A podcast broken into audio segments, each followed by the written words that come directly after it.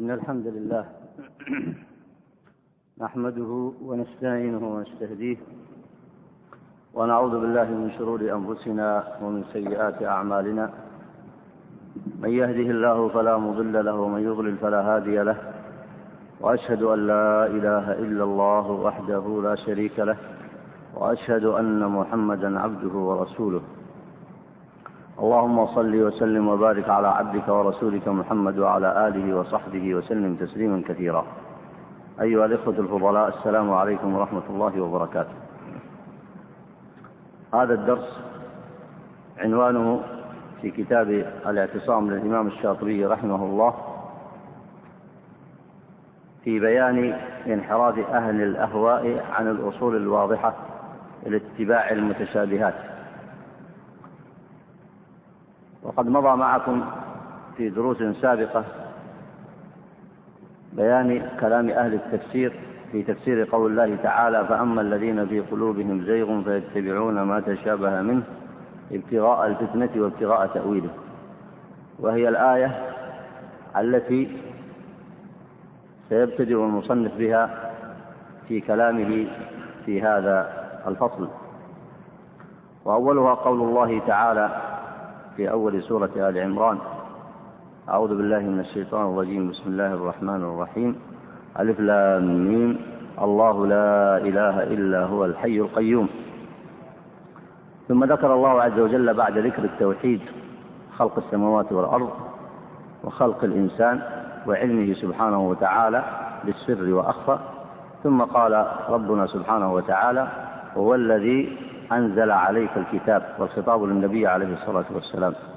هو الذي أنزل عليك الكتاب منه آيات محكمات هن أم الكتاب وأخر متشابهات. فأما الذين في قلوبهم زيغ فيتبعون ما تشابه منه ابتغاء الفتنة وابتغاء تأويله وما يعلم تأويله إلا الله. والراسخون في العلم يقولون آمنا به كل من عند ربنا وما يذكر إلا أولو الألباب. في هذه الآية بين الله عز وجل أن من صفات الراسخين وأن من صفات أهل السنة وهم الذين يتبعون الراسخين في العلم من صفاتهم أنهم يؤمنون بآيات الله عز وجل ويعملون بمقتضاها وهي ما سماه الله عز وجل المحكمات. وقد بين فيما سبق معنى المحكمات. والمحكمات هي أساسيات الدين وأساسيات الملة ومنها ما يتعلق بالتوحيد. كما هو معلوم ويتعلق ببقية أركان الإسلام التي إذا اجتمع الناس عليها وعملوا بها صلحت دنياهم وأخراهم. وهذه المحكمات وصفت بهذا الوصف لأن معنى المحكم من معانيه الظهور ومن معانيه البيان ومن معاني الإحكام الإتقان. فهذه الأمور التي هي أساسيات الملة وأركان الإسلام وما يقوم به الإسلام هي من الأمور الظاهرة البينة المعلومة ومن العلماء من يطلق عليها آه، علم العلم العامة والخاصة أي يمكن لكل إنسان أن يدرك ذلك ويعرفه.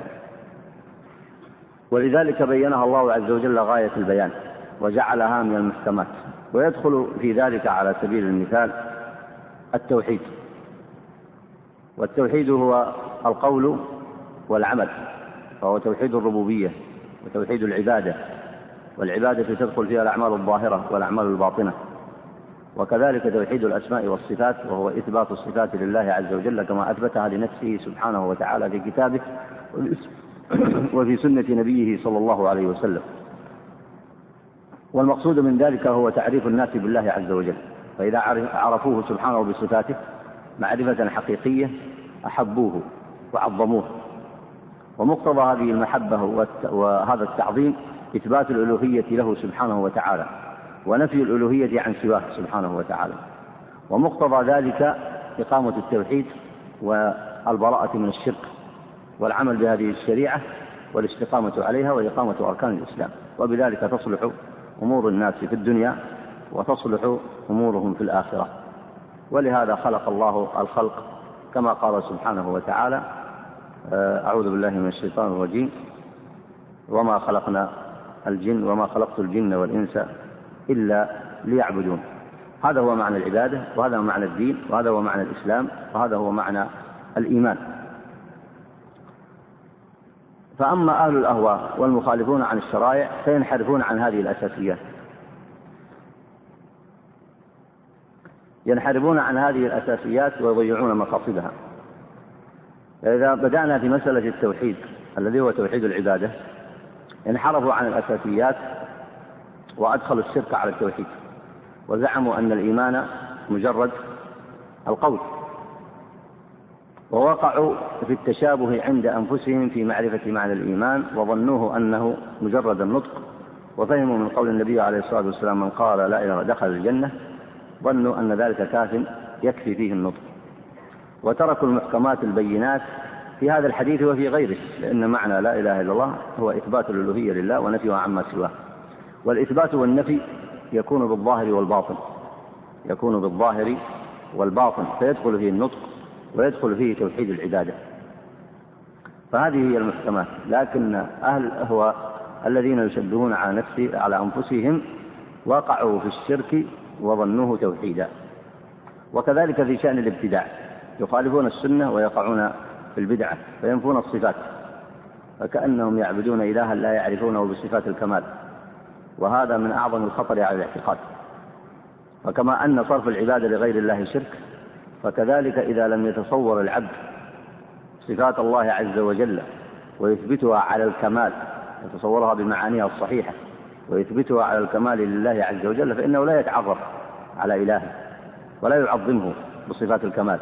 فكيف يعبده حينئذ؟ فكيف يحبه؟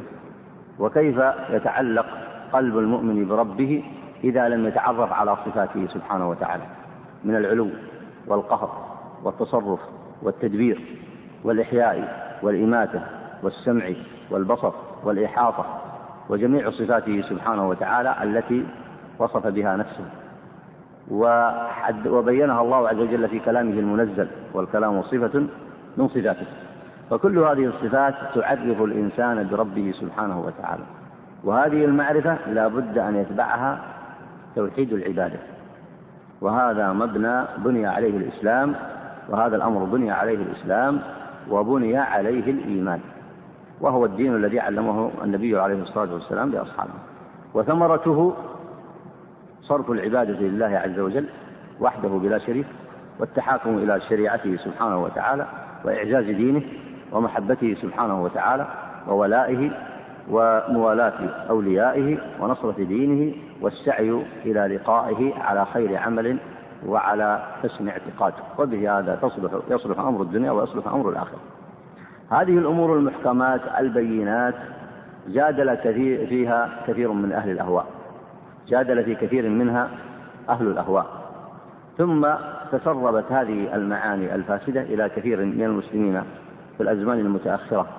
فضعف الناس في أمر الاعتقاد ضعف كثير من الناس في أمر الاعتقاد سواء في توحيد العبادة أو في توحيد الأسماء والصفات وفي كثير من أساسيات الدين.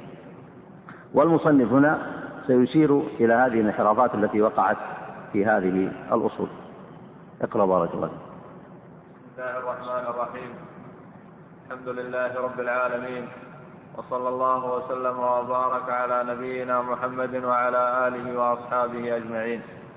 قال المصنف رحمه الله فصل ومنها انحرافهم عن الأصول الواضحة إلى اتباع المتشابهات التي للعقول فيها مواقف وطلب الأخذ بها تأويلا.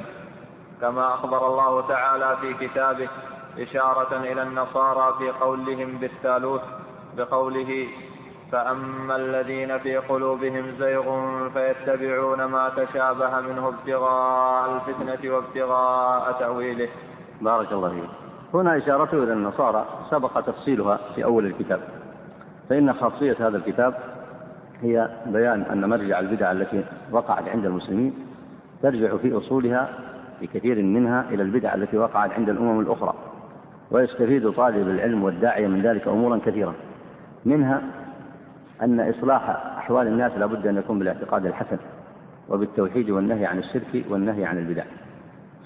الأمر الثاني أن أكثر المصائب التي في واقع المسلمين سواء في الانحرافات في الأساسيات أو في كثير من الفروع سببها ما وقعوا فيه من تقليد اليهود والنصارى والأمم الأخرى.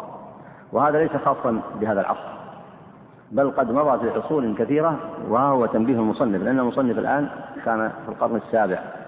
فهذا كلامه وكلام غيره من آه وكلام غيره من أئمة العلم. فينبغي ملاحظة ذلك.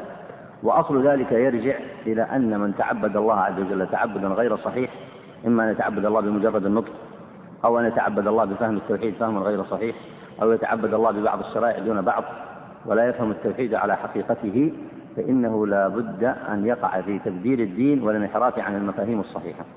وذلك ما صنعه اليهود والنصارى في تبديل دينهم. ويصدق ذلك الأحاديث الصريحة آه، من أحاديث النبي عليه الصلاة والسلام لتتبعن سنن من كان قبلكم. يعني في اختلاط مفاهيم الدين عليكم وفي تبديله وفي الإعراض عنه. ويستثنى من ذلك الطائفة التي استثناها النبي عليه الصلاة والسلام ووصفها بوصف مميز وهي قول النبي عليه الصلاة والسلام ما أنا عليه وأصحابي. ومعنى ما أنا عليه وأصحابي أنهم لم يبدلوا. فمن بدل وقع في مشابهة الأمم الأخرى. ومن كان على مثل ما كان عليه النبي عليه الصلاة والسلام لم يبدل. ومعنى هذا أنه يكون بعيدا عن التأثر بأفكارهم وعقائدهم ومناهج الأمم الأخرى. فهذا الربط عند المصنف هنا بين أنواع البدع في هذه الأمة والأمم الأخرى هو من خاصية هذا الكتاب. طيب اقرأ بارك الله فيك. وقد علم العلماء أن كل دليل فيه اشتباه وإشكال ليس بدليل في, في الحقيقة حتى يتبين معناه ويظهر المراد منه. ويشترط في ذلك أن لا يعارضه أصل قطعي فإذا لم يظهر معناه لإجمال أو اشتراك أو عارضه قطعي كظهور, كظهور تشبيه فليس بدليل لأن حقيقة الدليل أن يكون ظاهرا في نفسه ودالا على غيره وإلا احتيج إلى دليل عليه فإن دل الدليل على عدم صحته فأحرى أن لا يكون دليلا. هنا المصنف لعله يريد أن يشير إلى معنى الآية المحكمات والمتشابهات. المتشابهات سبق معكم أنها موجودة في القرآن لكنها قليلة. والأصل ما هو؟ الأصل المحكم. فالمحكم هو الأصل ولذلك ما الدليل على أنه الأصل؟ هنا. الدليل على ذلك قول الله عز وجل هن أم الكتاب أي أصله. وأشار الله عز وجل إلى إلى المتشابهات فقال أخر. أي وهذا دليل على أنها قليلة. فهنا المتشابه مذكور والمحكم مذكور. لكن المحكم علمنا أنه دليل من حيث الأصل وعليه أساسيات الملة وسبق أمثلة على ذلك كثيرة جدا. وأضيف مثلا حفظ الضروريات الخمس كحفظ الدين وحفظ النفس وحفظ المال وما يتعلق بذلك من الأحكام إقامة الحدود وغيرها وكذلك حفظ العرض وما يتعلق بذلك من تحريم الزنا والفواحش وغير ذلك. وكذلك حفظ العقل وما يتعلق بذلك من تحريم الخمر وما سوى ذلك كل ذلك من الأمور المحكمات الأساسية. فإذا أردت هذا إلى ما يتعلق بأنواع التوحيد الثلاثة وأصول الملة اتضحت لك الأمثلة التي تدلك على المحكمات فهي الأدلة المحكمات البينات الظاهرات التي هي أساس الملة وبها صلاح أمر الناس في الدنيا والآخرة إذا عملوا بها مخلصين مؤمنين. المتشابه مذكور. ولكي لا تظن أنه دليل على الإطلاق فلا بد لك من إضافة إليه. فما هي الإضافة التي تجعله دليلا؟ أليس مذكور في القرآن؟ ألم يقل الله عز وجل وأخر متشابهات؟ فهل تعتبره دليلا مستقلا أو دليلا بضميمة أخرى؟ من يستطيع يذكر الجواب. نعم.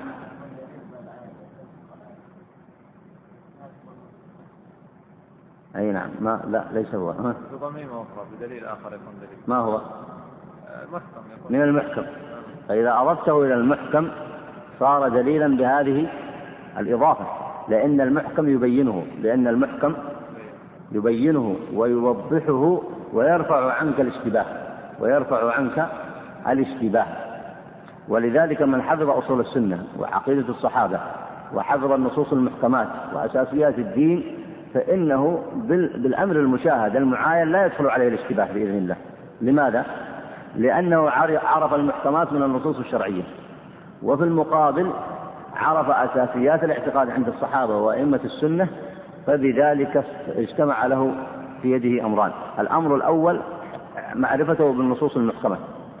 والأمر الثاني اتباعه للصحابة في العمل بها وفهمها فهو على بينة من ربه. فهو على بينة من ربه. فما وقع فيه الاشتباه ماذا يصنع به؟ من الأمور المتشابهات وأخر المتشابهات. يرده إلى ماذا؟ إلى المحكم. ولذلك مثلا إذا كان النص مجمل يحتاج إلى بيان. ترده إلى أي شيء؟ إلى ما يبينه. وإذا كان عاما ترده إلى أي شيء؟ إلى ما يخصصه. وهكذا. وإن كان الخاص ليس من المتشابه لكن قد يشتبه على الإنسان. ولكن قد يشتبه على الإنسان. أما إذا كان الدليل من المحكم وإذا أطلق العلماء المحكم فيقصدون بالظاهر البين. وكذلك إذا آه، كان الدليل من المحفوظ فإذا قالوا المحفوظ يعني الذي سلم من الشذوذ. وكل ذلك يعرف بعلم الصحابة رضوان الله عليهم وأئمة السنة. فإذا كان الأمر كذلك فإن هذا الدليل حتى لو كان فردا فإنه أساسي. وهو من المحكمات. وعلى هذا يفسر كلام المصنف هنا آه، فيما آه، ذكره عندما قال فإذا لم يظهر معناه لإجمال أو اشتراك. أي نعم. ولا يمكن أن تعارض الفروع الجزئية الأصول الكلية. لأن الفروع الجزئية إن لم تقتض عملا فهي في محل التوقف وإن اقتضت عملا فالرجوع إلى الأصول هو الصراط المستقيم. أي نعم. هو الفروع الجزئية آه، لا تعارض الأصول الكلية لأنه كل من عندي من عند من؟ كل من عند الله. وقال الله عز وجل ولو كان من عند غير الله لوجدوا فيه اختلافا كثيرا. فسواء كانت الأدلة على أصل مبثوث في الشريعة متكاثرة أو كان دليلا جزئيا من الكتاب والسنة فإن هذه الأدلة لا يعارض بعضها بعضا. كيف تفسر اختلاف العلماء إذن؟ من يستطيع يجاوب على هذا السؤال؟ تفضل.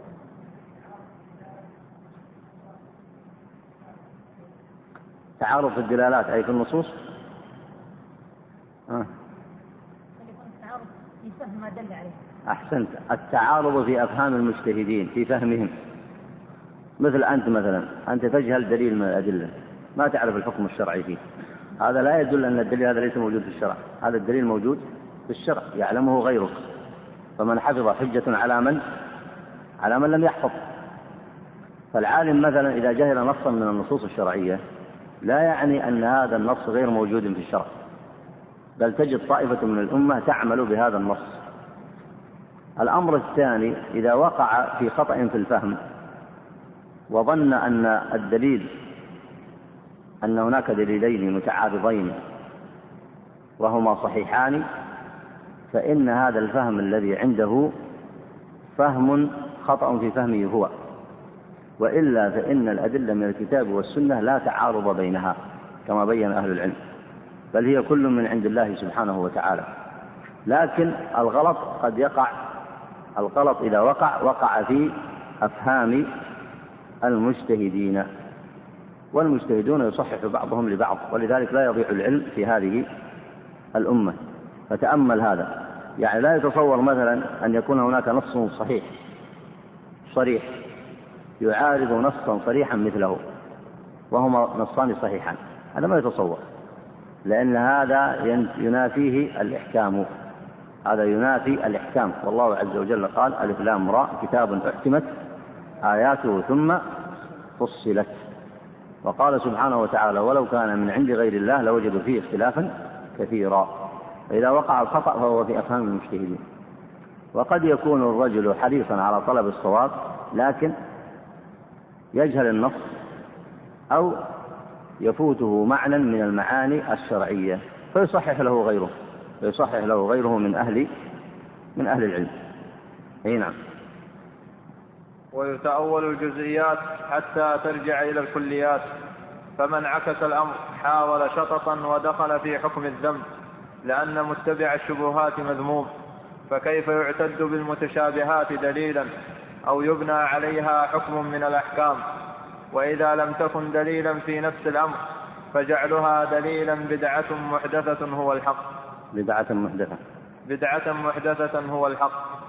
وجعلها دليلا أحسنت. بدعة محدثة. يعني هنا آه، يقصد الإشارة إلى قصد المتشابهات التي هي في قول الله تعالى منه آيات محكمات وأخر متشابهات فنعم فالمتشابه لا يستقل بنفسه. المتشابه لا يستقل بنفسه بل لا بد أن يرد إلى إلى أي شيء؟ يرد إلى المحكمات. بقي السؤال هنا. لماذا ورد ما الحكمة من إيراد المتشابه في القرآن؟ وسؤال مثله ما الحكمة من تكليف الأمة بالاجتهاد أصلا؟ ما الحكمة من تكليف الأمة بالاجتهاد؟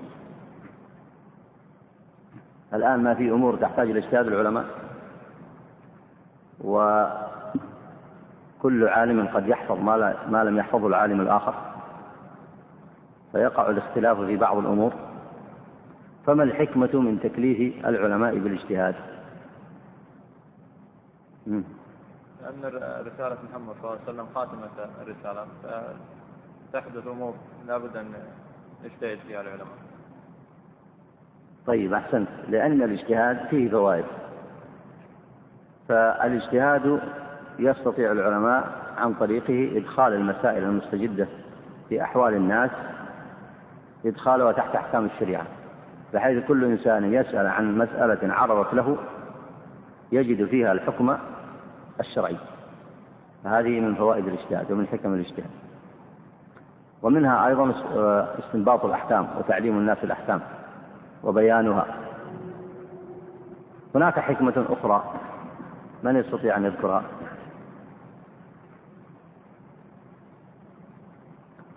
تفضل. ربط النوازل لأحكام الشريعة هذا هي الحكمة التي ذكرت. أي نعم.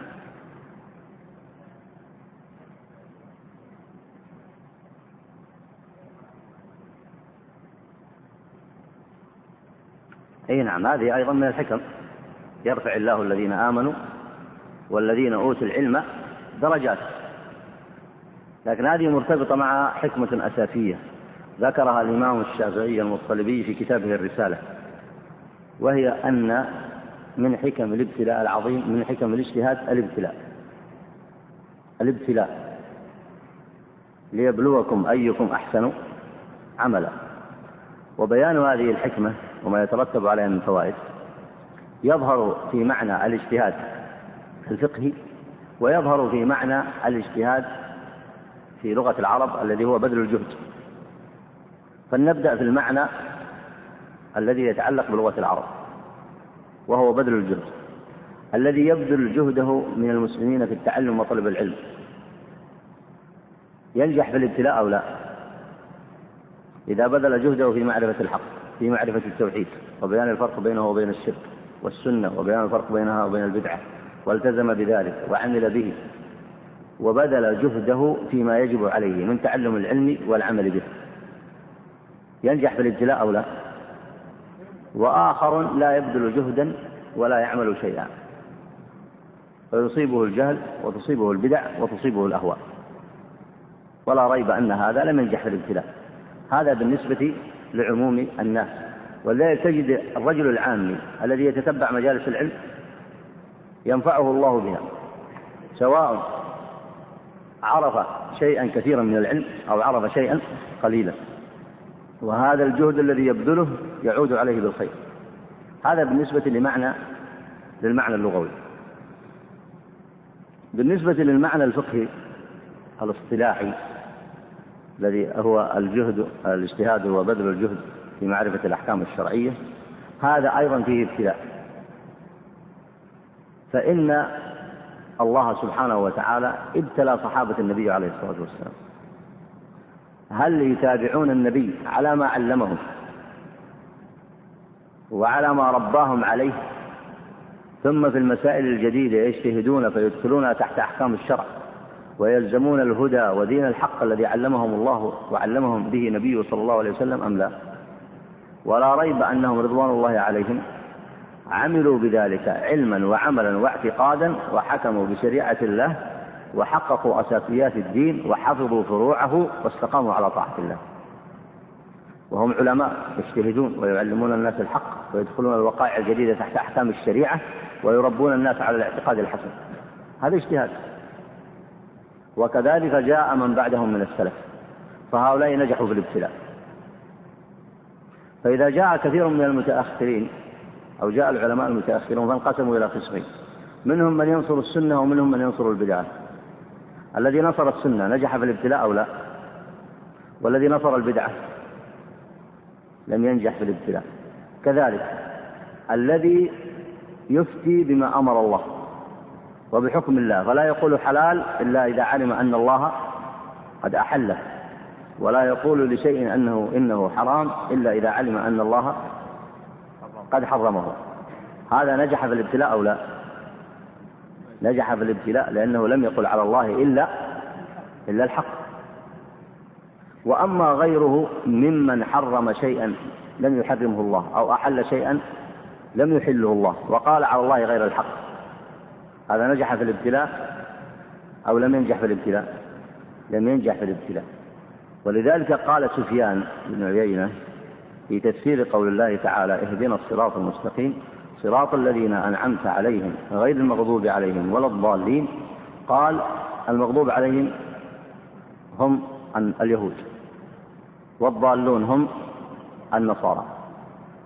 ومن وافق وعلماء هذه الأمة ينقسمون إلى ثلاثة أقسام. قسم هم الذين أنعم الله عليهم وهم الذين تابعوا الأنبياء والذين وصفهم الله عز وجل أولئك مع الذين أنعم الله عليهم من الأنبياء من الصديقين من النبيين والصديقين والشهداء والصالحين وحسن أولئك رفيقا. وهذا هم أهل الاعتقاد الحسن العاملون بالشريعة الداعون إليها الذين يعلمون الناس السنة ويعرفونهم بالأحكام ويجتهدون وفق هذه الشريعة المباركة. الصنف الثاني من من العلماء هم الذين وافقوا المغضوب عليهم. معهم علم وليس معهم عمل. والصنف الثاني من المتعبدين وإن كان معهم علم قليل لكن ليس معهم عبادة معهم عبادة لكن ليس معهم علم صحيح. فقال سفيان من فسد من علمائنا ففيه شبه باليهود. ومن فسد من عبادنا ففيه شبه بالنصارى وهذا يوضح لكم معنى أن من حكم الاجتهاد الابتلاء. ليبتليهم الله عز وجل ليعرف ماذا يصنعون لينظر ماذا يعملون. ولذلك من الأدلة التي توضح هذا المعنى انظر في المراحل التي تعيشها الأمة. المراحل الأولى في وقت الصحابة والتابعين كانوا على صدق. وعلم وهدى وبذل وجهد وجهاد وصبر وعلم وخير فلذلك ارتفعوا ونجحوا في الابتلاء. وجعلهم الله القدوة فكل عصر عمل بقدر ما عمل هؤلاء أو بقريب منه يأخذ منزلة مثل هذه المنزلة. وإذا جئت في عصور أخرى فرطت في هذه الأساسيات ماذا ماذا يكون حال الأمة؟ ينزل إلى دركات ينزل عن الدرجات إلى الدركات إذا أردت أن تحل أي مشكلة في الأمة ترجع إلى نفس المستوى الأول. وهذا إنما هو مربوط بأي شيء؟ مربوط سلبا وإيجابا بالاجتهاد في معرفة الحق والعمل به والدعوة إليه والصدق في القيام به. وأنت تستطيع أن تقيس مراحل الأمة على هذا المعنى. بل تقيس في نفسك أنت. وإن كنت آه، قد لا تنطبق عليك شروط.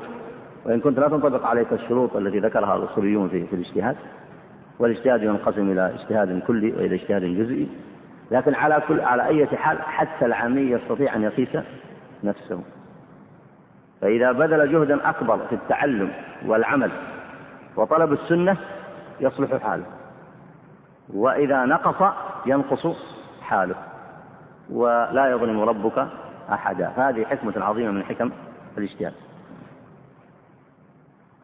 فالأصل في الاجتهاد من أراد النجاة فيه فليعمل بالمحكمات ويرد المتشابه إلى الأساسيات ويرجع إلى أصول العلم كما هي عند الصحابة رضوان الله عليهم وكما هي عند أئمة السنة. ولا ريب أن هؤلاء هم الراسخون هم الراسخون في العلم. أي نعم. فهنا قصد المصنف أن من اتبع المتشابه وترك المحكم فلا بد أن يقع في الإحداث لا بد أن يقع. والأمثلة السابقة تدلكم على ذلك فإن من ترك أساسيات الدين وأصول أهل السنة وشبه على نفسه فإنه لا بد أن يقع في الابتداع اللهم إلا أن يكون هذا الاشتباه الذي عنده اشتباه يسير أو يمكن أن يرفع يرفعه بالعلم أو يعود فيه إلى السنة فإن الأمر في ذلك إذا رجع إلى الحق آه، باعتبار الثمرة والنتيجة التي يرجع إليها. اقرأ بارك الله فيك. ومثاله في ملة الإسلام مذاهب الظاهرية في إثبات الجوارح للرب في إثبات الجوارح للرب المنزه عن النقائص من العين واليد والرجل والوجه والمحسوسات والجهة وغير ذلك من الثابت للمحدثات.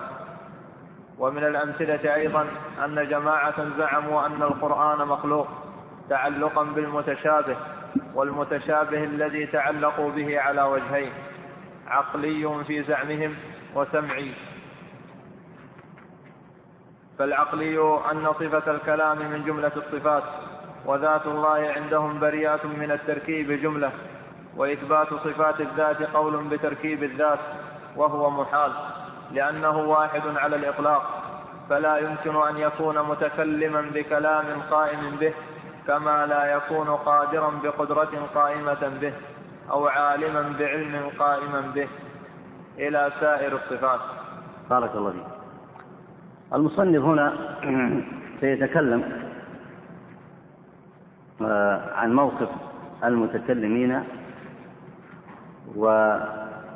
والمتكلمين يدخل فيهم المعتزلة وسيشير أيضا إلى مذهب الأشاعرة في نفي آه، الرؤية كما سيتكلم عن مناقشة المعتزلة في مسألة الكلام الذين قالوا إن كلام الله إن القرآن الذي بين أيدينا إنما هو مخلوق. وسنشير إلى بيان الفرق بين هذين المذهبين وما يترتب على القول بأن القرآن مخلوق.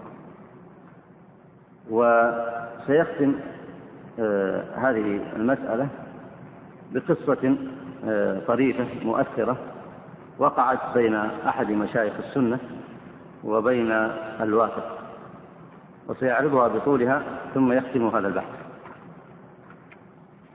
آه، الأمثلة التي ذكرها هنا قبل مناقشة الأشاعرة في نفيهم في الرؤيا وقبل الكلام مع المعتزلة في نفيهم لصفة الكلام واعتراض المصنف عليهم وبيان وجه الحق في هذا نبتدئ بما ذكره من قوله ومثله في ملة الإسلام مذاهب الظاهرية في إثبات الجوارح للرب المنزه عن النقائص.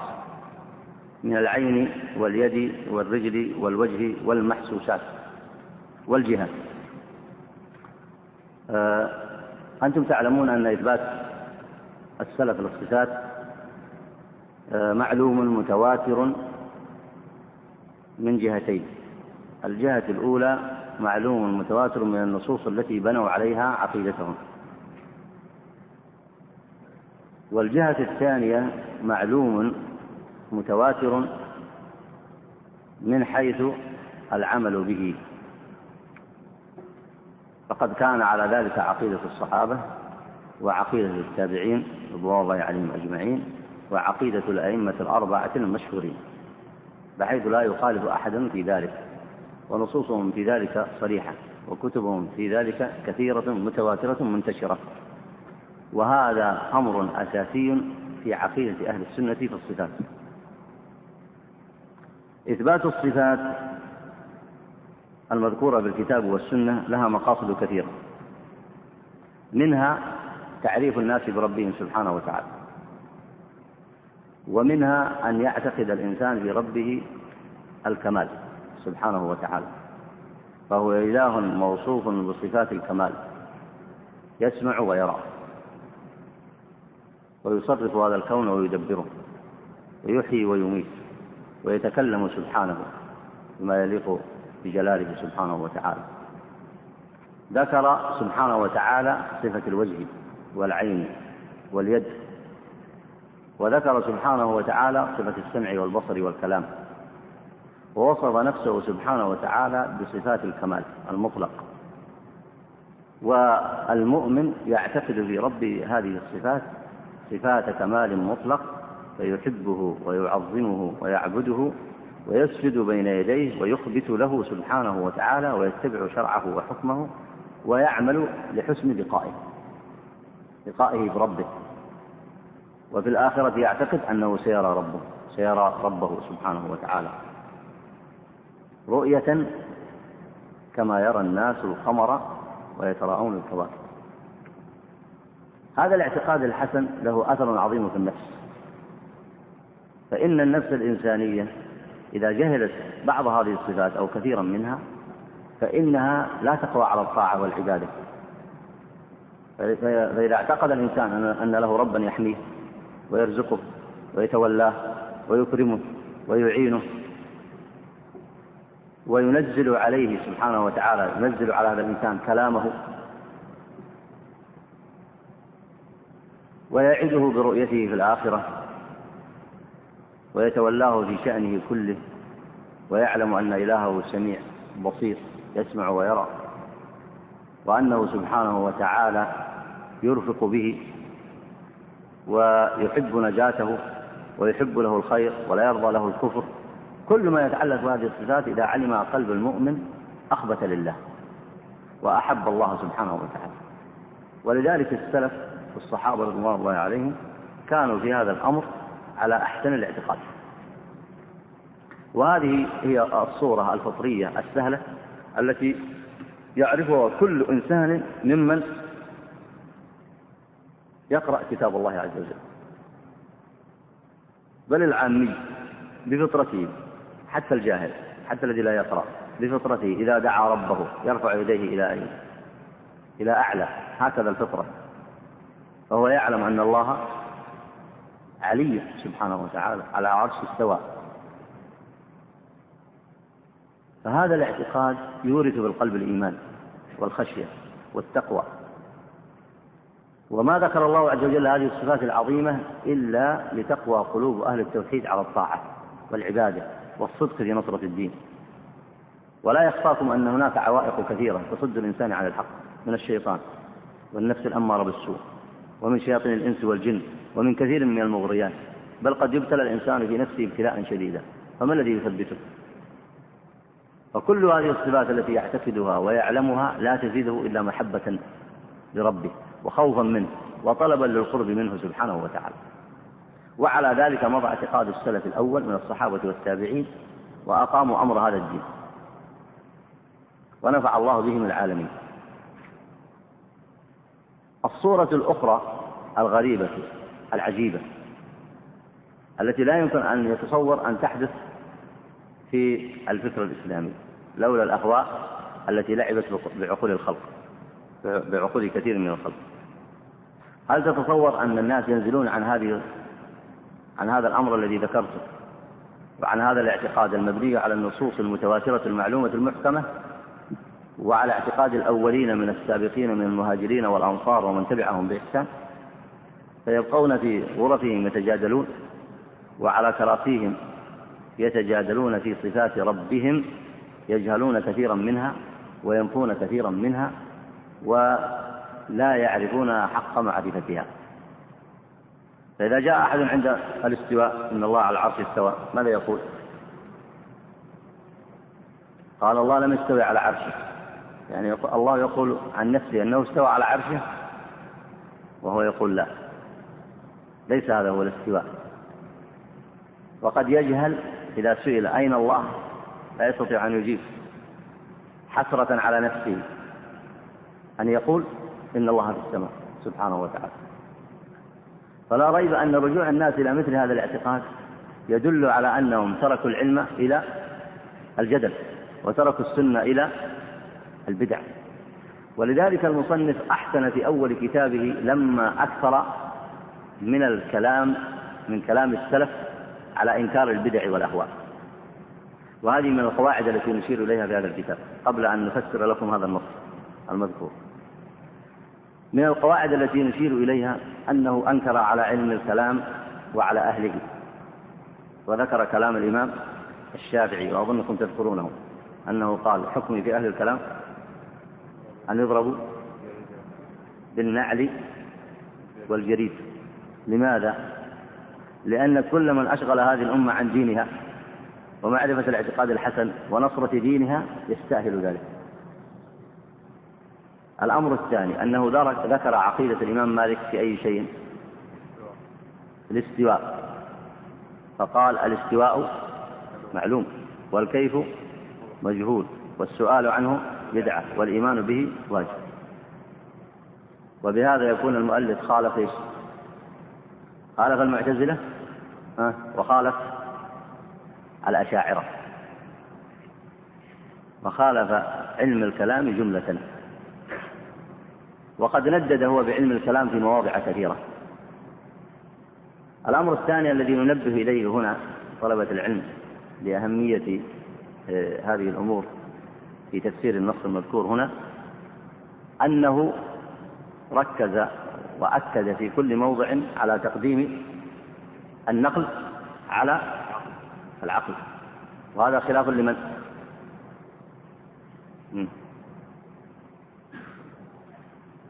خلاف للمعتزلة وخلاف لل للأشاعرة.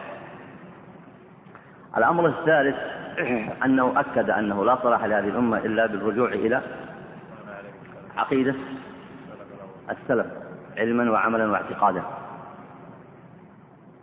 وهذا خلاف لمذهب المعتزلة والأشاعرة الذين أرادوا أن يكون مذهبهم بديلا لمذهب السلف. إذا تأملت هذه الأمور كلها واتضحت إليك فاعلم أن هذا النص الذي أمامك مشكل وفيه ثلاثة آراء. وفيه ثلاثة آراء. الرأي الأول لمحقق الكتاب. اقرأ رأيه بارك الله فيك.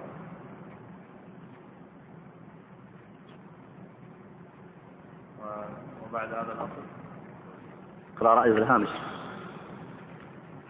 مراده بالظاهرية هنا المجسمة الذين زعموا أن لله تعالى جوارح كجوارح البشر.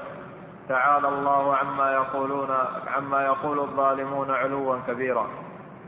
وليس مراده أهل الأثر الذين أثبتوا لله ما أثبته لنفسه في كتابه وسنة رسوله وسنة رسوله صلى الله عليه وسلم الصحيحة من العلو والصفات المعبر عنها بأسماء الجوارح مع تنزيهه عن مشابهة خلقه. فمن تتبع عقيدة المصنف رحمه الله من سياق كتابه وجد ما يثلج صدره. يعني كأنه يريد أن يقول باختصار أن المصنف هنا يشير إلى من يذهب في إثبات الصفات ويقرن ذلك بالتشبيه. والسلف ماذا يقولون؟ يثبتون الصفات بتشبيه أو بغير تشبيه؟ بغير تشبيه. فكأن آه، محقق الكتاب يريد أن يقول إنه ينكر على الذين يثبتون الصفات بالتشبيه. فكأنه حينئذ لا ينكر مذهب السلف المعروف المعلوم. ولعله أخذ آه، طبعا هو أشار من أين أخذ ذلك؟ قال من تتبع عقيدة المصنف. وهو ما أشرت إلى شيء منه. يعني عقيدته في الاستواء ليست هي عقيدة الأشاعرة. عقيدته مثلا في إثبات الرؤية عقيدة السلف. عقيدته في مسألة الكلام عقيدة السلف. تأكيده في قضية الإيمان كما سلف معكم في إنكاره البدع. كل ذلك عقيدته في عقيدة السلف. آه، ما يتعلق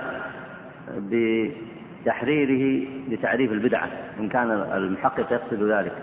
فتعريفه بالبدعة تعريف محكم.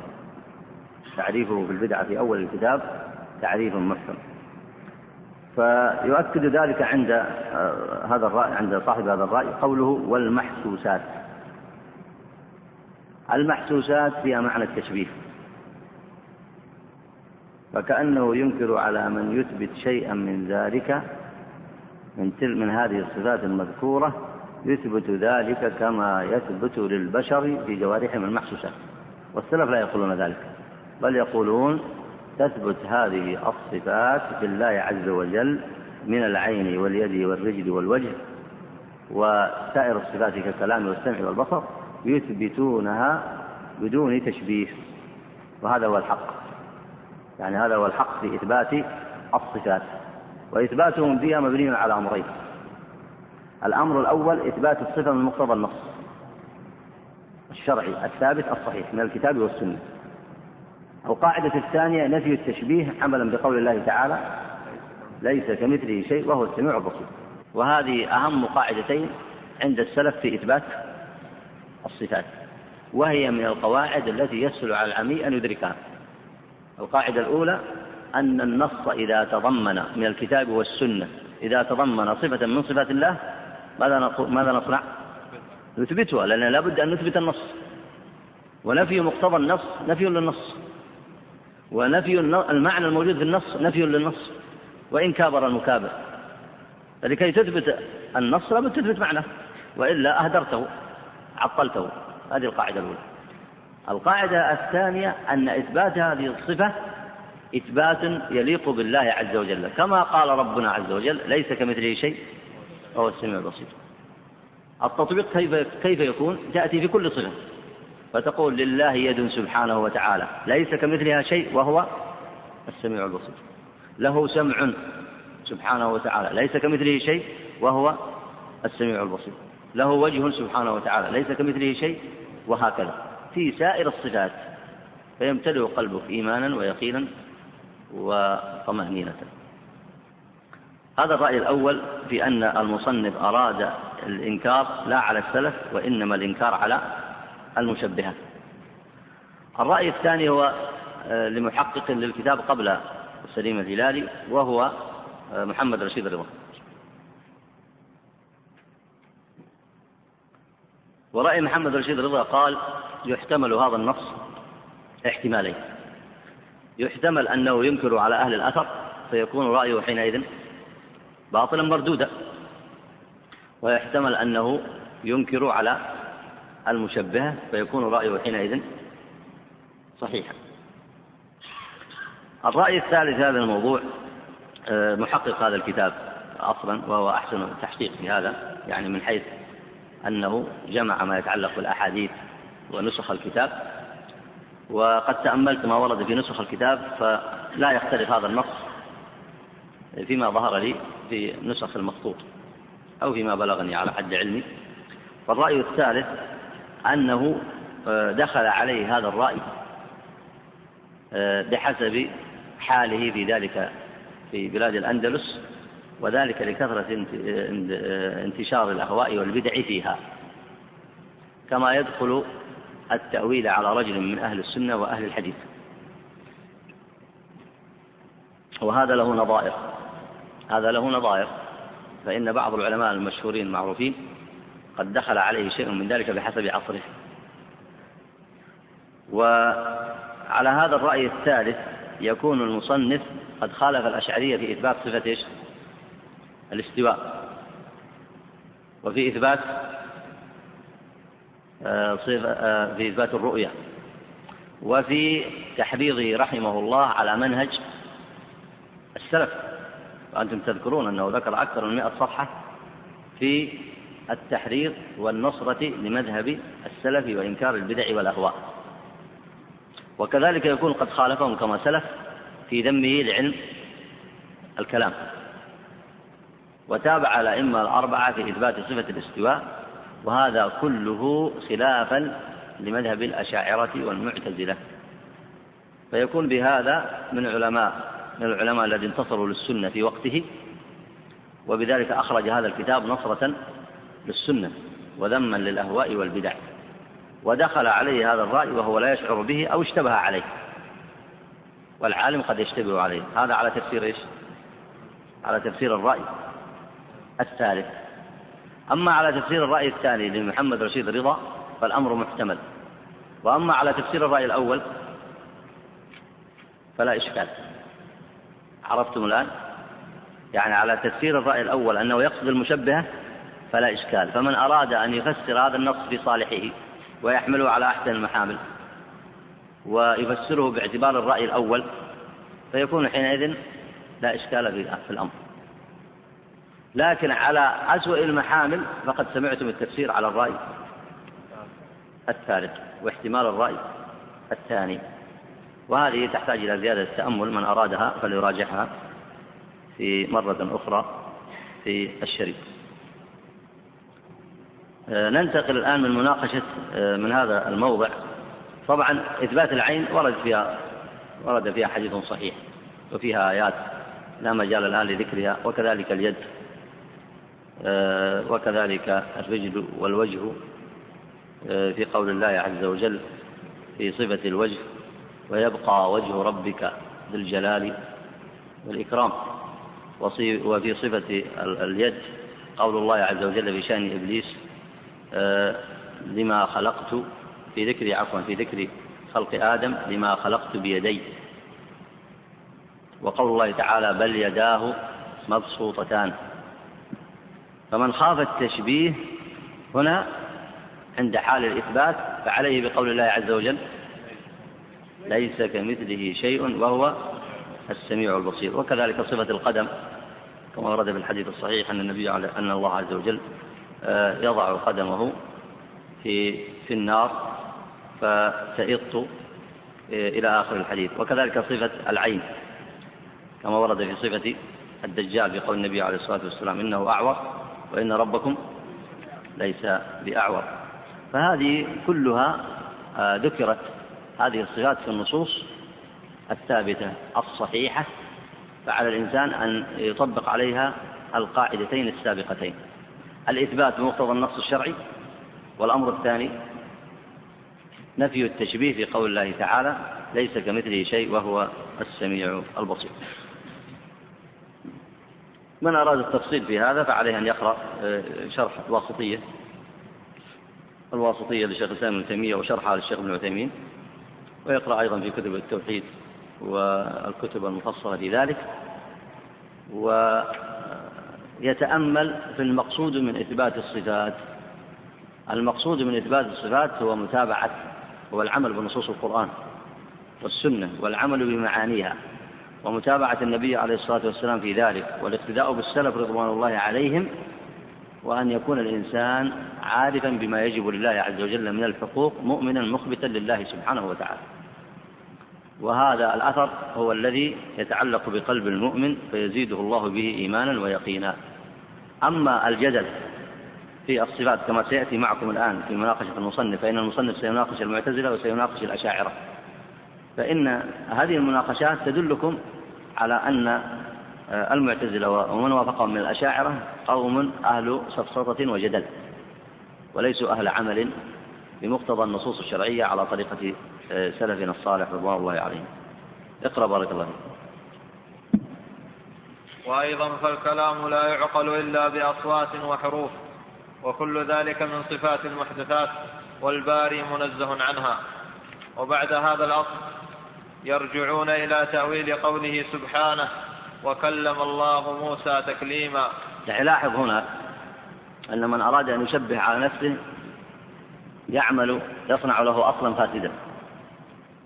ثم على أساس الأصل الفاسد يعود فيؤول كلام الله عز وجل. وهذا كثير في الفروع وفي الأصول. يعني الإنسان مثلا يغلب تغلب عليه عادة أو يغلب عليه عرف. فيقع في معصية. فبدل أن يقول هذه معصية وأسأل الله أن يرزقني التوبة منها ماذا يصنع؟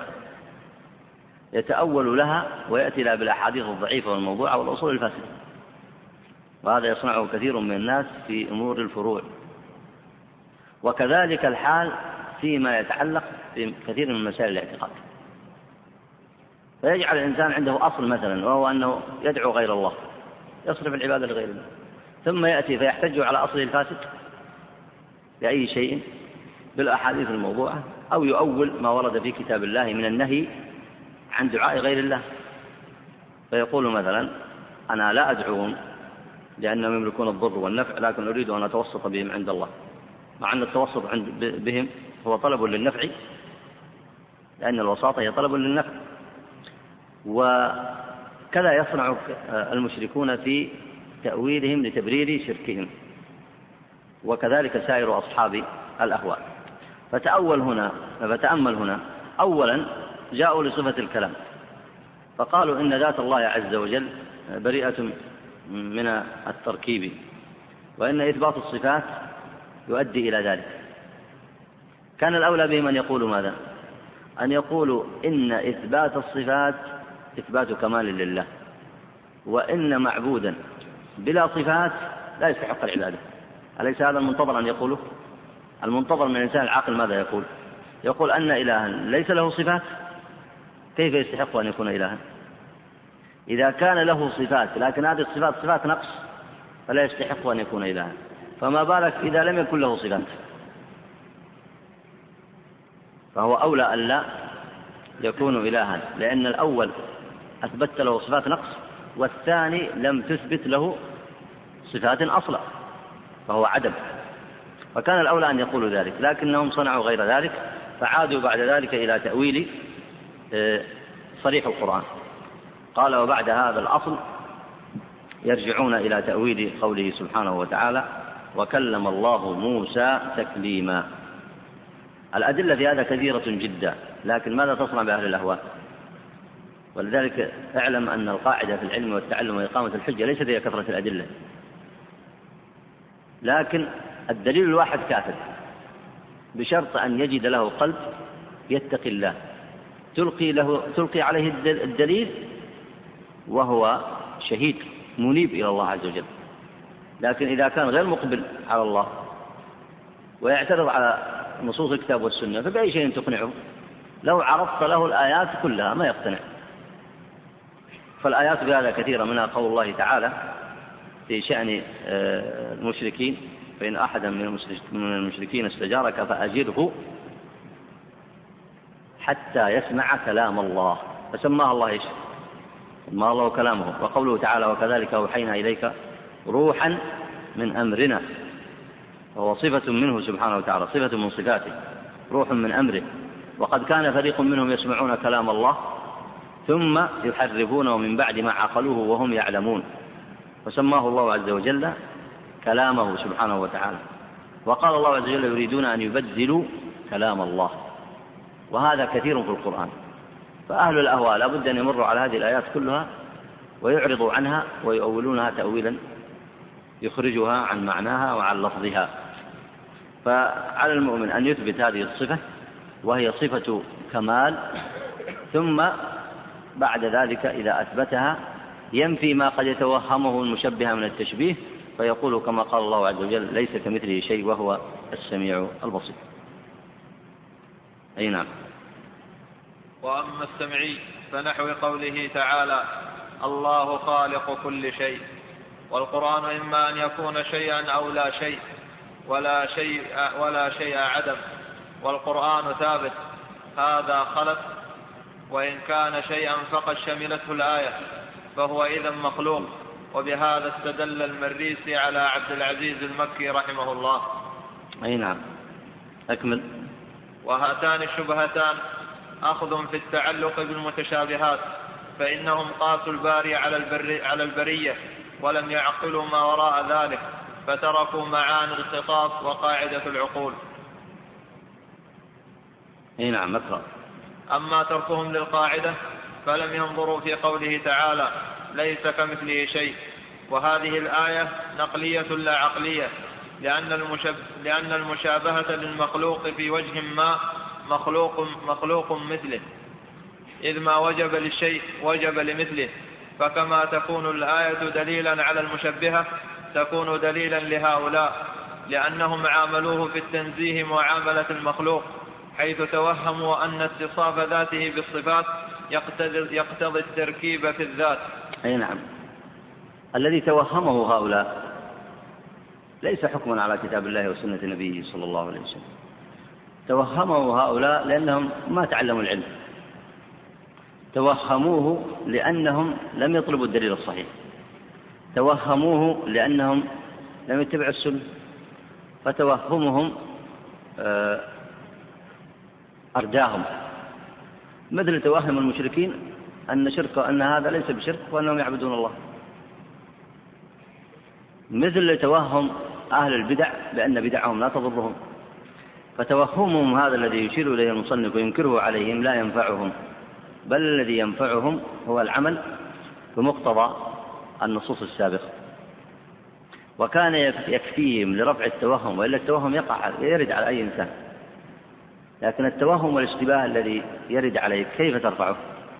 ترفعه بمراجعة النصوص الشرعية بالعمل بمقتضاها بالاهتداء بكلام الراسخين في العلم والرجوع إلى كلام الصحابة رضوان الله عليهم لكن إذا كان توهمك يحملك على رد المحكمات في الدين والنصوص الشرعية من الكتاب والسنة ثم يحملك مرة أخرى على مخالفة الصحابة والتابعين والأئمة كما سيأتي معكم في القصة التي سيذكرها المصنف لأن هؤلاء من أهل الأهواء ما يستطيع واحد منهم أن يأتي بعالم واحد لا من من من علماء الصحابة ولا من علماء التابعين ولا من الأئمة الأربعة أن يأتي منه أنه يقول بشيء من هذا. ألا يكفيهم أن يعلموا أن مقتضى النصوص الشرعية وما عمل عليه الصحابة والتابعون وسلف الأمة أنهم أن ذلك هو الحق؟ فتوهمهم فتوهمهم الذي توهموه أرداهم ويرجع ذلك إلى سبب أفعالهم كما قال الله عز وجل فلما زاغوا أزاغ الله قلوبهم وكما قال الله عز وجل وما ظلمناهم ولكن كانوا أنفسهم يظلمون. آه الإنسان إذا سمع مثل هذه الآية الله خالق كل شيء. ثم يشبهون على هذا فيقولون القرآن شيء. القرآن شيء فيكون مخلوقا الله عز وجل سمى نفسه شيئا قال أي شيء أكبر شهادة؟ هذا في القرآن أو لا؟ فهل يدخل في هذه الآية؟ الذي لا يلتزم السنة ويترك لعقله الضعيف أن يتلاعب بالألفاظ لا بد أن يضل. أنت تعبد قلبك بأي شيء؟ لله بالتوحيد. وتعبد عقلك وفهمك بأي شيء؟ بالتوجيه بنصوص الكتاب والسنة التي توجهك وتعلمك. فهم لو رجعوا إلى نصوص الكتاب والسنة ورجعوا إلى كلام العرب لعرفوا أنهم أصحاب عجمة وأنهم جهلة بلغة العرب لا يفهمونها. فالله خالق كل شيء أي مما خلقه سبحانه وتعالى. تقول العرب مثلا وأنتم ممكن أي أحد منكم يتلفظ بهذه العبارة. يدخل المدرس مثلا على الفصل فيجدهم كلهم مشاغبين. فيطلب المدير يقول اضرب كل من في الفصل. إيش معنى الكلام هذا؟ والمدير والمدرس في الفصل يشملهم الضرب؟ يشملهم؟ ما يشملهم إلا عند المجانين. ما يشملهم. وإذا جاء الأمير مثلا فجمع عشرين في غرفة واحدة قال اضرب كل من في الغرفة يعني واضرب الأمير زيادة. ما يدخل فيه المتكلم لا يدخل في الخطاب. الله خالق كل شيء هنا لا يدخل المتكلم في الخطاب. فكذلك لا تدخل صفاته. لكن عند أهل العجمة هؤلاء والجهال هؤلاء الذين يتكلمون على الله بغير علم ماذا يصنع الناس فيهم؟ يعني لا بالنصوص الشرعية يلتزمون ولا بلغة العرب يلتزمون ثم يتكلمون في في الإسلام بأهوائهم. ولذلك أحسن المصنف هنا في مناقشتهم فيما يتعلق بصفة الكلام. إي نعم.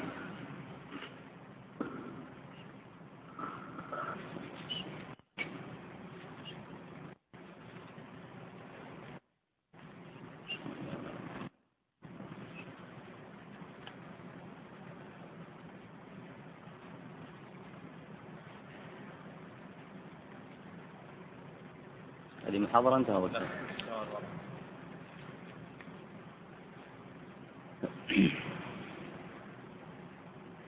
الحمد لله والصلاة والسلام على رسول الله.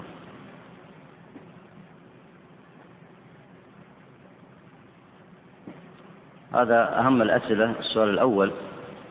يقول ذكرتم في كلام المؤلف في الظاهرية يحتمل أنه وافق المشبهة. أليس كلامه في الرد على أهل الكلام ينص على هذا القول؟ والاحتمال الثالث المذكور آه، يقصد أنه يرد على المشبهة. لكن كلامه هنا في ذم أهل الكلام وعقائدهم كما صنع الآن في الرد على المعتزلة في إنكار صفة الكلام. وكذلك كما سيأتي كما سبق معكم في كلامه في إثبات الرؤية والرد على الأشاعرة وكذلك في إثبات صفة الاستواء وتأكيده على منهج السلف وذمه للأهواء والبدع تحذيره من بدع النصارى وبدع الأمم الأخرى وحثه على اتباع منهج السلف كل ذلك لا ريب يجعل لهذا الكتاب خاصية ويجعل له استقلالا كما يجعل له أهمية في هذا. ويمكن للسائل أيضا أن يعاود التأمل الثلاثة الآراء حتى يتمكن من ترجيح واحد منها. حتى يستطيع أن يتمكن من ترجيح واحد من الثلاثة الآراء في تفسير كلامه.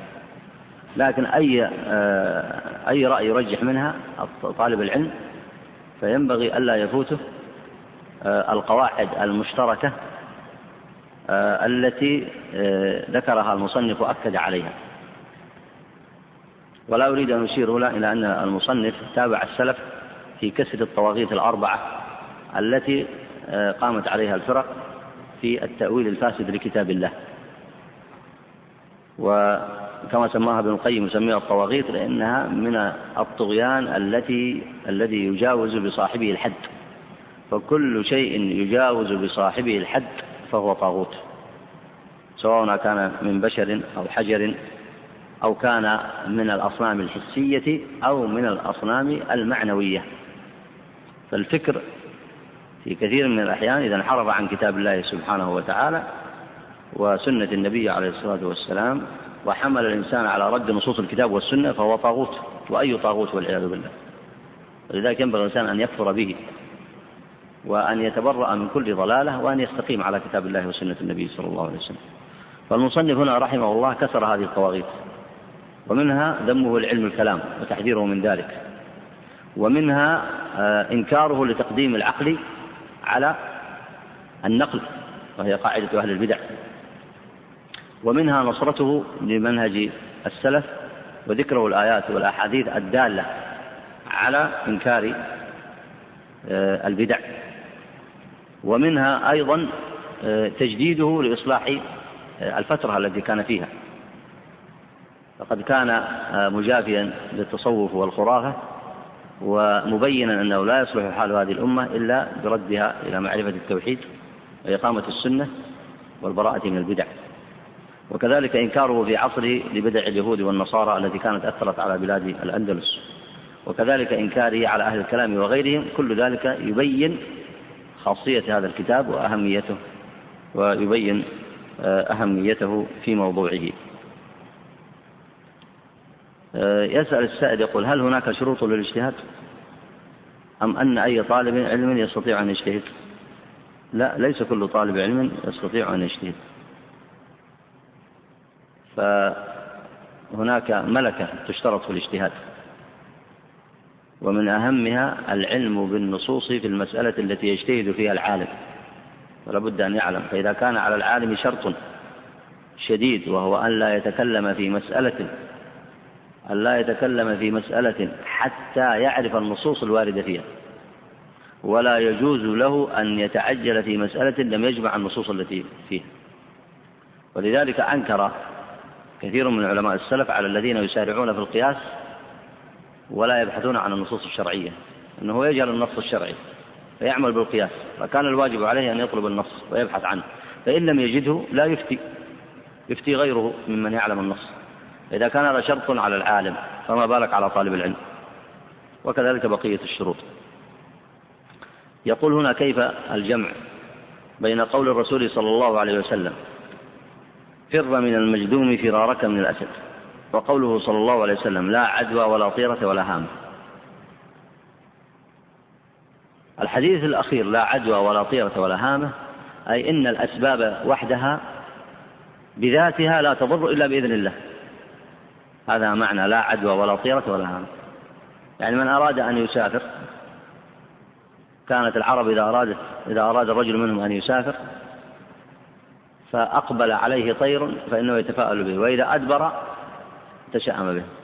وكذلك شأنهم في الريح وكذلك في أنواع الطيور لاعتقادهم أن ذلك يضرهم. وكذلك في إدبار القمر وإقباله. يعني يصبح الإنسان لا ضابط له. هذه أسباب كونية ومخلوقات جعلها الله في الأرض لمصالح معينة وهذا الإنسان الجاهل يرتب تصرفاته بحسب هذه التصرفات التي لا علاقة بينها وبين تصرفاته. وكذلك لا عدوى. أي المرض بذاته لا يعديك وإنما لابد من سبب آخر وهو تقدير الله سبحانه وتعالى. وهو تقدير الله سبحانه وتعالى. وكذلك لا هامة كلها في معنى واحد. أما قول النبي عليه الصلاة والسلام فر من المجدوم فرارك من الأسد هذا أمر بالعمل بالأسباب. فمن عطل العمل بالأسباب فقد خالف السنة. من عطل العمل بالأسباب فقد خالف السنة. ومن تعلق بالأسباب من دون الله فقد أشرك. من عطل الأسباب فقد ابتدع. ومن تعلق بالأسباب من دون الله فقد أشرك. طيب ماذا تصنع؟ تعمل بالأسباب حتى لا تبتدع بترك الأسباب كطلبك الشراب والطعام والسفر وما تحتاجه من سائر أمورك وطلب العلم والأمر بالمعروف والنهي عن المنكر سبب لنصرة الدين والعمل الصالح سبب لدخول الجنة وكذلك في الأمور المادية كالصناعة والزراعة وغيرها. فمن عطل الأسباب فقد ابتدع في دين الله ما لم يأذن الله به. وضيع حياته. ومن تعلق بالسبب وقال هذا السبب وحده يضرني بنفسه فقد أشرك لأنه لا يضر إلا الله ولا ينفع إلا الله. ومن هنا تستطيع تفهم قول النبي عليه الصلاة والسلام فر من المجدوم فرارك من الأسد. ولذلك عمر بن الخطاب رضي الله عنه لما أراد أن يدخل بيت المقدس مر بالشام ومعه من كبار الصحابة. واستقبله سعد بن أبي وقاص وكبار الصحابة حين ذاك ليسلموه مفاتيح آه، بيت المقدس الذي أظهر الله المسلمين عليه ونصرهم به. بعد أن صدقوا واتقوا وأقاموا التوحيد نبذوا الشرك وأقاموا السنة وتركوا الأهواء وصدقوا في نصرة دين الله صدقهم الله ونصرهم. فلما قارب بيت المقدس علم أن في الشام طاعونا فتوقف عمر ليالي طويلة. ينظر في هذا الأمر. يدخل أم يرجع؟ وانظروا كيف يكون الاجتهاد. انظروا كيف يكون العلم ويكون الاجتهاد. فجمع كبار الصحابة الذين عنده. فسألهم. فاختلفوا على قولين. منهم من قال اقدم وادخل. ومنهم من نهاه. وذكر له أنه لا يجوز له أن يدخل إلى بلد فيها الطاعون. فمكث أياما يجتهد في ذلك. وجمع مشيخة قريش من المسلمين فذكروا له أيضا أنه لا يدخل. فمكث على ذلك أياما حتى آتاه أحد أصحابه فقال له حديث النبي عليه الصلاة والسلام إذا كان الطاعون بأرض فلا تدخلوها ومن كان فيها فلا يخرج منها. ويترتب على هذا حكم كثيرة لا, لا سبيل إلى الكلام فيها الآن لضيق الوقت. فرجع عمر رضي الله عنه. فقال له أصحابه تفر من قدر الله؟ قال له بعض أصحابه تفر من قدر الله؟ قال نعم. نفر من قدر الله إلى قدر الله. فأنت تعمل بالأسباب لأنها قدر الله أمرك الله بالعمل بها. أمرك الله بالعمل بها. فتعمل بالسبب الذي يؤدي بك إلى الخير لأن الله أمرك بذلك وهو قدر الله. وتفر من السبب الذي يؤدي بك إلى المعصية أو يؤدي بك إلى البطالة لأن الله أمرك بأن تفر منه.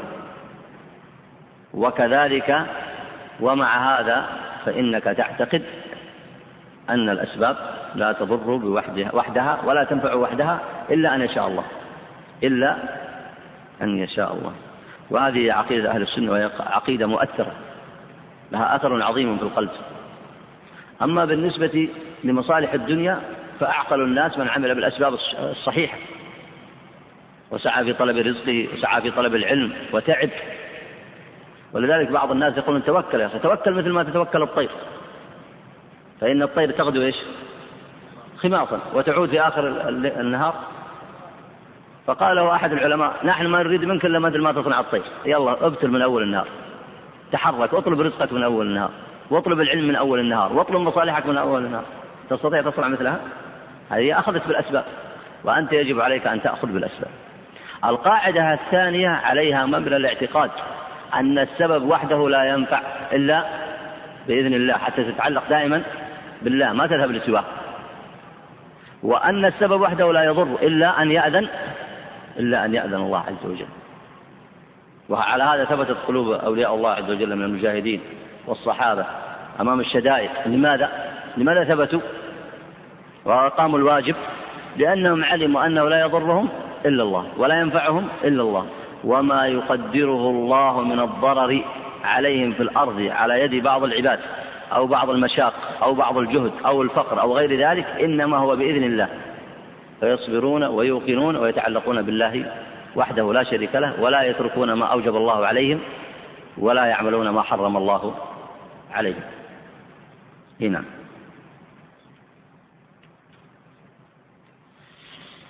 آه، هذا السائل يقول هنا ما الحكمة من ورود المتشابه في القرآن؟ يقول لك لم تكمل الجواب. لعل الجواب الذي سبق كافي. نعم. آه، يقول هنا هناك من يستدل بقول الشاعر استولى بشر على العراق بغير سيف ولا دم ودم مهراقي هذا السؤال هذا هذا الشعر البيت ذكر أهل التحقيق من أهل العلم أن هذا البيت لا يعرف قائله وأنه لا يجوز الاعتماد عليه في تفسير كتاب الله. ولعلكم إذا رجعتم للدرس آه، الماضي عرفتم كيف يجهل أهل الأهواء لغة العرب فيفسرون كتاب الله عز وجل بكلام غير صحيح. فهذا البيت لا أصل له وإنما تفسير الاستواء عند العرب بأربعة معان. بمعنى يفسر من معانيه من معاني الاستواء في قول الله تعالى آه، في قوله تعالى الله الرحمن على العرش استوى وكذلك في سورة الرعد وفي سبعة مواضع من القرآن معنى تفسير الاستواء أي ارتفع وعلى سبحانه وتعالى. وفي معناها أيضا الاستقرار. هذه المعاني كلها معروفة من كلام العرب الأصليين. أما هذا البيت فلا يعرف صاحبه. يقول هنا قال أحد الواعظين في مسجد ما إن الله يسمع بلا سمع. هذا رأي المعتزلة. بل الله سبحانه وتعالى يسمع بسمع ويبصر ببصر وصفاته صفات كمال سبحانه وتعالى. يقول هل علي إثم في كفالة رجل يريد شراء سيارة لقصد الحصول على المال من بيعها بعد شرائها وليس وليس بقصد الحصول على سيارة لاستعمالها؟ هذا على الصحيح من أقوال العلم من أقوال أهل العلم. لا حرج عليك إن شاء الله في ذلك ولا حرج عليه. هذه مسألة يسميها العلماء التورق وهو أن الإنسان يعدم المال ليس عنده مال ويحتاج أن يتزوج مثلا أو يحتاج أن يشتري له شيئا مما يحتاجه من أمر مأكله أو مشربه أو بيته وليس عنده سيولة ليس عنده مال فيذهب يشتري شيئا بدين يشتري سيارة بدين ثم إذا اشتراها وملكها ودخلت في حوزته يذهب فيبيع فيبيعها فإذا باعها أخذ هذا المال وانتفع به. هذه مسألة يسميها العلماء مسألة التورق. فالعقد الأول صحيح في البيع وتصرفه الثاني صحيح. وهذا هو الراجح من أقوال أهل العلم والله أعلم. وصلى الله وسلم على نبينا محمد وعلى آله وصحبه أجمعين.